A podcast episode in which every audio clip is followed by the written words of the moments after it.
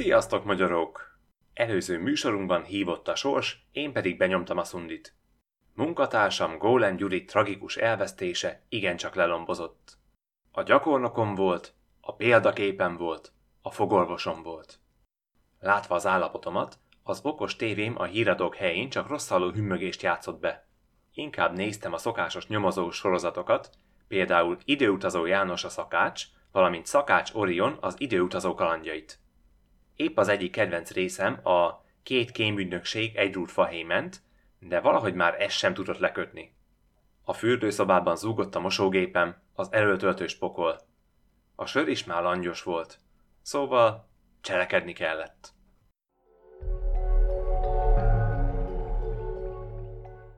Találtam is a postaládámban egy újságot tele hirdetésekkel, amik felváltva appelláltak kapzsiságomra és egészséges tájékozatlanságomra. A címlapon Tömő Béla égi Eszterga művész azt ígérte, hogy numerológiai és sumerológiai elemzés után átprogramozza életem titkos kódját, és sikerpályára állít.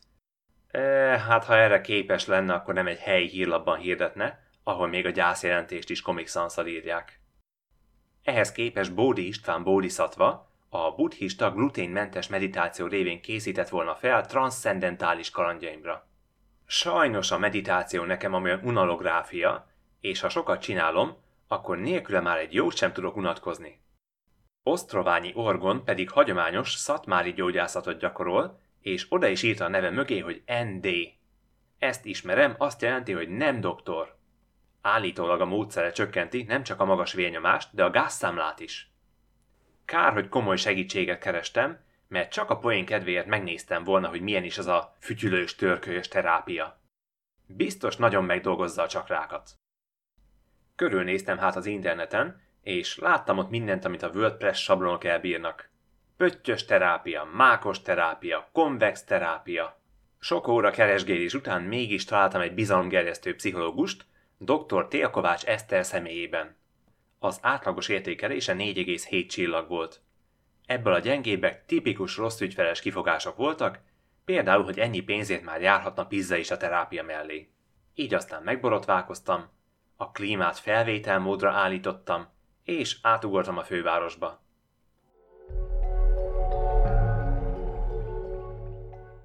Felkerestem Tia Kovács doktornő rendelését Kelemföldön, a néhány éve átadott áruló kapuja lakóparkban. Az épület felkapott közegben a négyes metró és az opera ültetvény közelében épült, ahol igencsak felszöktek az árak. Egyből tudtam, hogy szakemberhez jöttem, mert a várótelmi falakon egy sor keretezett kép lógott, krákenekről és óriás polipokról. Kevesen tudják, hogy míg a démonok alkukat kötnek, az angyalok pedig sporteseményeket befolyásolnak, addig a tengeri szörnyek a sós mélységekből pszichológusok munkáját segítik.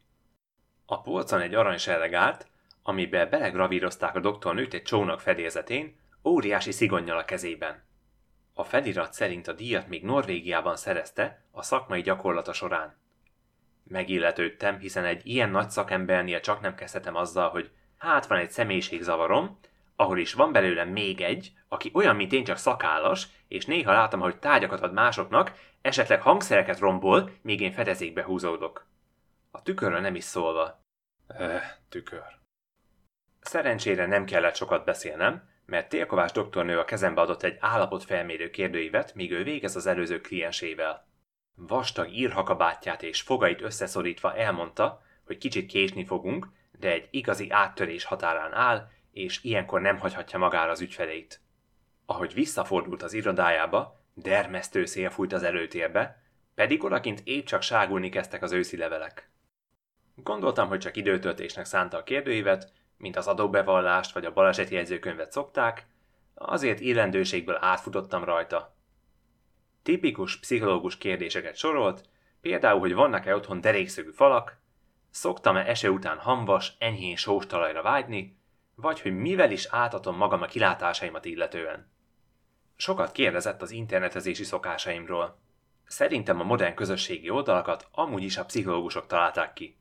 Az élet meg annyi részét számszerűsítik a barátaink számától a vacsorára kapott lájkokig, ami magában is szorongáskeltő, ráadásul ha bármi kínos történik velünk, az fényképekkel együtt kikerül egy nyílt fórumra, ahol mások szabadon becsmérelhetik.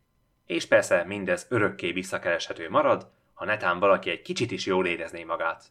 Nem tudom, hogy ezt tervezte Mark Zuckerberg, amikor néhány csepp vért egy GeoCities oldalra csepegtetve céget alapított az ismeretlen magánélet sírjánál. Na mindegy. A következő oldal a sportolói hátteremről érdeklődött. Nem vagyok sportember, és a felsorolásból csak a crossfitre emlékszem. Talányos, hogy az mi lehet, de a neve alapján lefogadom, hogy van benne legalább egy puska és egy sólyom. Azt is kérdezte, hogy barátunk a jégkrém. Erre beigszeltem, hogy nagyon egyetértek, fenntartásokkal. Tudjátok, ahogy Cicero mondta, a jégkrém az a hely, ahol a problémák nyugovóra térnek. Épp a kérdői végére értem, amikor az irodából kirohant egy ismeretlen hölgy, aki úgy volt öltözve, mint egy kalózkapitány. Elejtett egy pegazusos kitűzőt, de mire utána szóltam volna, már csak az éget puskaporszaga maradt a lakásban. Biztos valami designer parfüm. Ekkor a doktornő szólított. Immáron írha helyett egy laza, hálapénzszínű kabátot viselt. Betessékelt a meglepően tágas irodába. A falakat a plafonig csempe borította, nyugtató zöldes, algás mintákkal. A tömött könyvespolcon nylon zacskóba csomagolva sorakozott a friss szakirodalom. Mellette két otthonos bőrfotel és egy fogas. A szoba közepén félkörbe állítva egész alakos tükrök sorakoztak, átázott pamut lepedőkkel takarva. A lepedőkről úgy csurgott a víz középen egy tér összefolyóba, mintha épp elzártak volna egy csapot.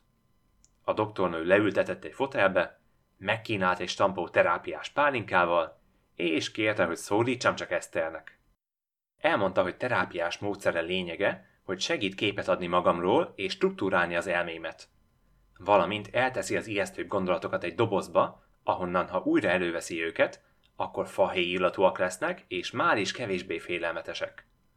Kezdetnek arra kért, hogy meséljem el neki, milyen volt mostanában egy átlagos napom.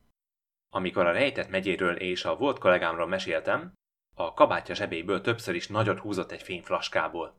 Felállt és lerántotta a leplet egy pár tükörről, én pedig összerezzentem, bár tudtam, hogy egy jó terapeuta fontos dolga a visszatükrözés. Eszter arra kért, hogy a tükör előtt egymás után háromszor ne csináljak semmit, csak egy kicsit higgyem el, amit látok. Pár percig nem volt valami izgi a látvány. Aztán én eltűntem, és egy tágas, bézs, márványozott oszlopcsarnokot láttam. Benne öltönyös emberek szivaroztak egy lángoló kuka körül.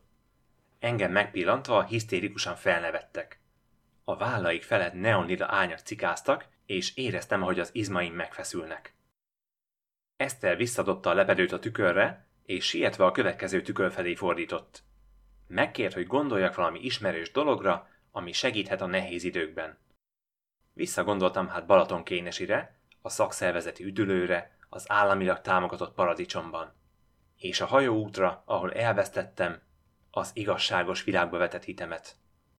Erre a tükörben beúszott a képbe egy díszes, antik fregatt. A kormánynál saját magam láttam a deszkákon nagy szakállal. A fedélzeten elfektetve egy legalább 5 méter hosszú, szotyola borította, fekete obeliszket szállított. Amerre a hajó ment, a magasból csak úgy hullottak a madarak. Valahová nagyon siethetett, mert láthatóan kapkodott, és a kormány mozdulatok között ilyetten hátra-hátra lesett. A hajón úgy tűnt, hogy egyedül voltam, ám a nyomában láttam egy üldözőhajót. Rajta terített asztalok körül nyüzsögtek a változatos, testalkatú és korú emberek. Mind épp faltak valamit, vagy a felézet korlátján kihajolva gazdagították a tengert. Az első hajón képmásom megigazította a gallériát, és éreztem, ahogy megcsap a füllet szél. Hirtelen nem egy lakótelepen voltam, hanem a végtelen tengeren, kormányjal a kézben, kétségekkel tele. Éreztem az obeliszk lüktetését a fedélzeten. Legalább két szív tobogott benne, egy testben. Egy test hideg fényben, korhadó deszkákon. Eszembe jutott egy elsüllyedt vasmegye, ami a nevét a talajból kitüremkedő fém obeliszkekről kapta. Talán még a rómaiak hagyták ott őket. Azt is tudtam, hogy amerre tartok, ott nincs sok föld. Nem is kellett. Csak juttassam az obeliszk utasát haza. Az üldözőimen már nem lehetett segíteni, magamon még igen, a másik magamon pedig, ki tudja? Beleremegtem a pillanatba, aztán a pillanatot és az arcomat is hideg víz töltötte meg. Elől óriási lila csápok parancsoltak megállt a hajónak. Ne most, Lajoska! kiáltotta Eszter, és én ismét a tükör előtt álltam dideregve. Lajoska a kráken alá merült, majd a felszínre törve az üldöző hajó vitorláit csapkodta lila csápjaival. A tükörben másom zavarodottan téblábolt, és valamit motoszkált az obelisztnél. Egy folton lesöpölte róla a szotyolát, miközben Lajoska a másik hajón, amit csak ért, azt a mélybe húzott. Az ott lakmározók csak bámultak maguk elé, mintha mi sem történt volna, és ettek tovább. Vitorlát, seprűnyelet, hajókötelet. Közben szakállasabbik énem krétával jeleket rajzolt az obeliszk köré. A sűrű, fekete tárgy körül lüktetni kezdtek a színek. Ne is gondolj rá, Lajoska! mondta Eszter, de a csápos rémség ismét képmásom hajója felé vette az irányt. A másik én a hajóról Lajoska hínáros szemébe nézett. Kezét nyújtotta, mintha át akarna adni valamit. Olyan kicsi és jelentéktelen volt a nyílt tengeren. Közben Lajoska csápjait köré fonva felemelte az obeliszket, és felém tartotta. Cikáztak rajta a színek, szegény úgy nézett ki, mint egy tapadó korongos szivárvány. A tükörben a másik én hevesen bólogatott. Ő is felém nézett. Nem tudom, hogy mit láthattak ott, ahonnan én láttam őket. Eszterhez fordultam, de ő épp zavaros üvöltözéssel volt elfoglalva, vagy csak így akart bíztatni. Ahogy az obelisz közelebb jött, úgy éreztem, mintha napok óta nem ettem volna, pedig jól bereggeliztem. Intettem nekik, hogy jöhet a szállítmány. Sokszor hallottam már, hogy egy terápia kulcskérdése, mennyire tudok segíteni magamon. Nem is gondoltam volna, hogy ennyire szó szerint értik. A lakás derékig megtelt vízzel, ahogy az obeliszk átsusszant a tükrön. Egy lila csáp adott egy nyírkos pacsit, és visszacsusszant a tükör mögé. A másik én megkönnyebbülten elmosolyodott, majd integetett. De a víz egyre csak folyt. Megtöltötte az ingem, elérte a gallérom, aztán a hajam, aztán... Néhány másodpercig bizonytalanul kapálóztam, aztán Eszter belém karolt, és a fény felé rángatott. A súlyos víztömegből csak az iroda ablaka helyén tudtunk távozni. A sós hullámok közt hánykolódva kihúzott magával Eszter, és egy emelettel lejjebb egy útszéli világágyáson megállapodtunk. A járókelők nagy téblábalást csaptak körülöttünk, de én csak nevettem az egészen. Végre biztos voltam benne, hogy egészséges vagyok, és a baj az egész világgal van. Eszterrel bemenekültünk egy angol turiba, és vettünk, amit láttunk, csak száraz legyen. Kisé zavart volt a beszéde. Folyton arra tért vissza, hogy még nem elég felkészült. Nem elég felkészült, de már is közeleg az ideje vége. Vagy inkább közeleg az idő vége. Mondtam neki, hogy fantasztikus értékelést írok majd a rendeléséről, és a turkáló lépcsőjénél magára hagytam a gondolataival. Közben valahogy életre kelt az utca, és minden hoddogárus és kebabos előtt hosszú sorok kígyóztak. Sokan az utca közepén megálltak autóikkal, és a rendelő kitört ablakát bámulva enni kezdték a papír zsebkendőiket. Pedig nem is volt nemzeti ünnep. Az ablakon kilógó obeliszk gőzölökbe kinyílt, és egy meglepően száraz, szigorú kecskeszakállas úr ugrott ki belőle.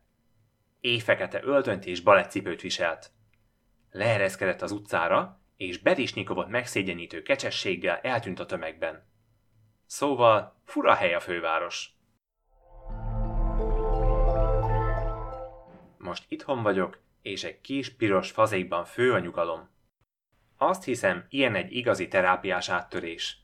És mindezt az első alkalommal. Én mondom, ez a télkovás doktornő egy belevaló szakember. Annak azért örülök, hogy nem vártam év végéig, hogy pszichológushoz forduljak, mert igencsak megfáztam volna egy ilyen terápiás ülésen. Remélem, hogy valahol, valamikor a másik én is rendben van. A csendes estéken, ha az égre nézek, mintha visszanéznék magamra a csillagok közül. Ott a mindenen túlról, ahonnan hozzánk csak a múlt fénye ér el. Következő műsorunkban a megpróbáltatásokból a végeláthatatlan bőségbe ugrunk, a kiskunsági gazdasági csodát elhozó kunsági Pegazus KHT bemutatásával. Addig is mentálhigiénés gyakorlatként próbáljátok meg naponta néhány percre elhinni, amit a tükörben láttok.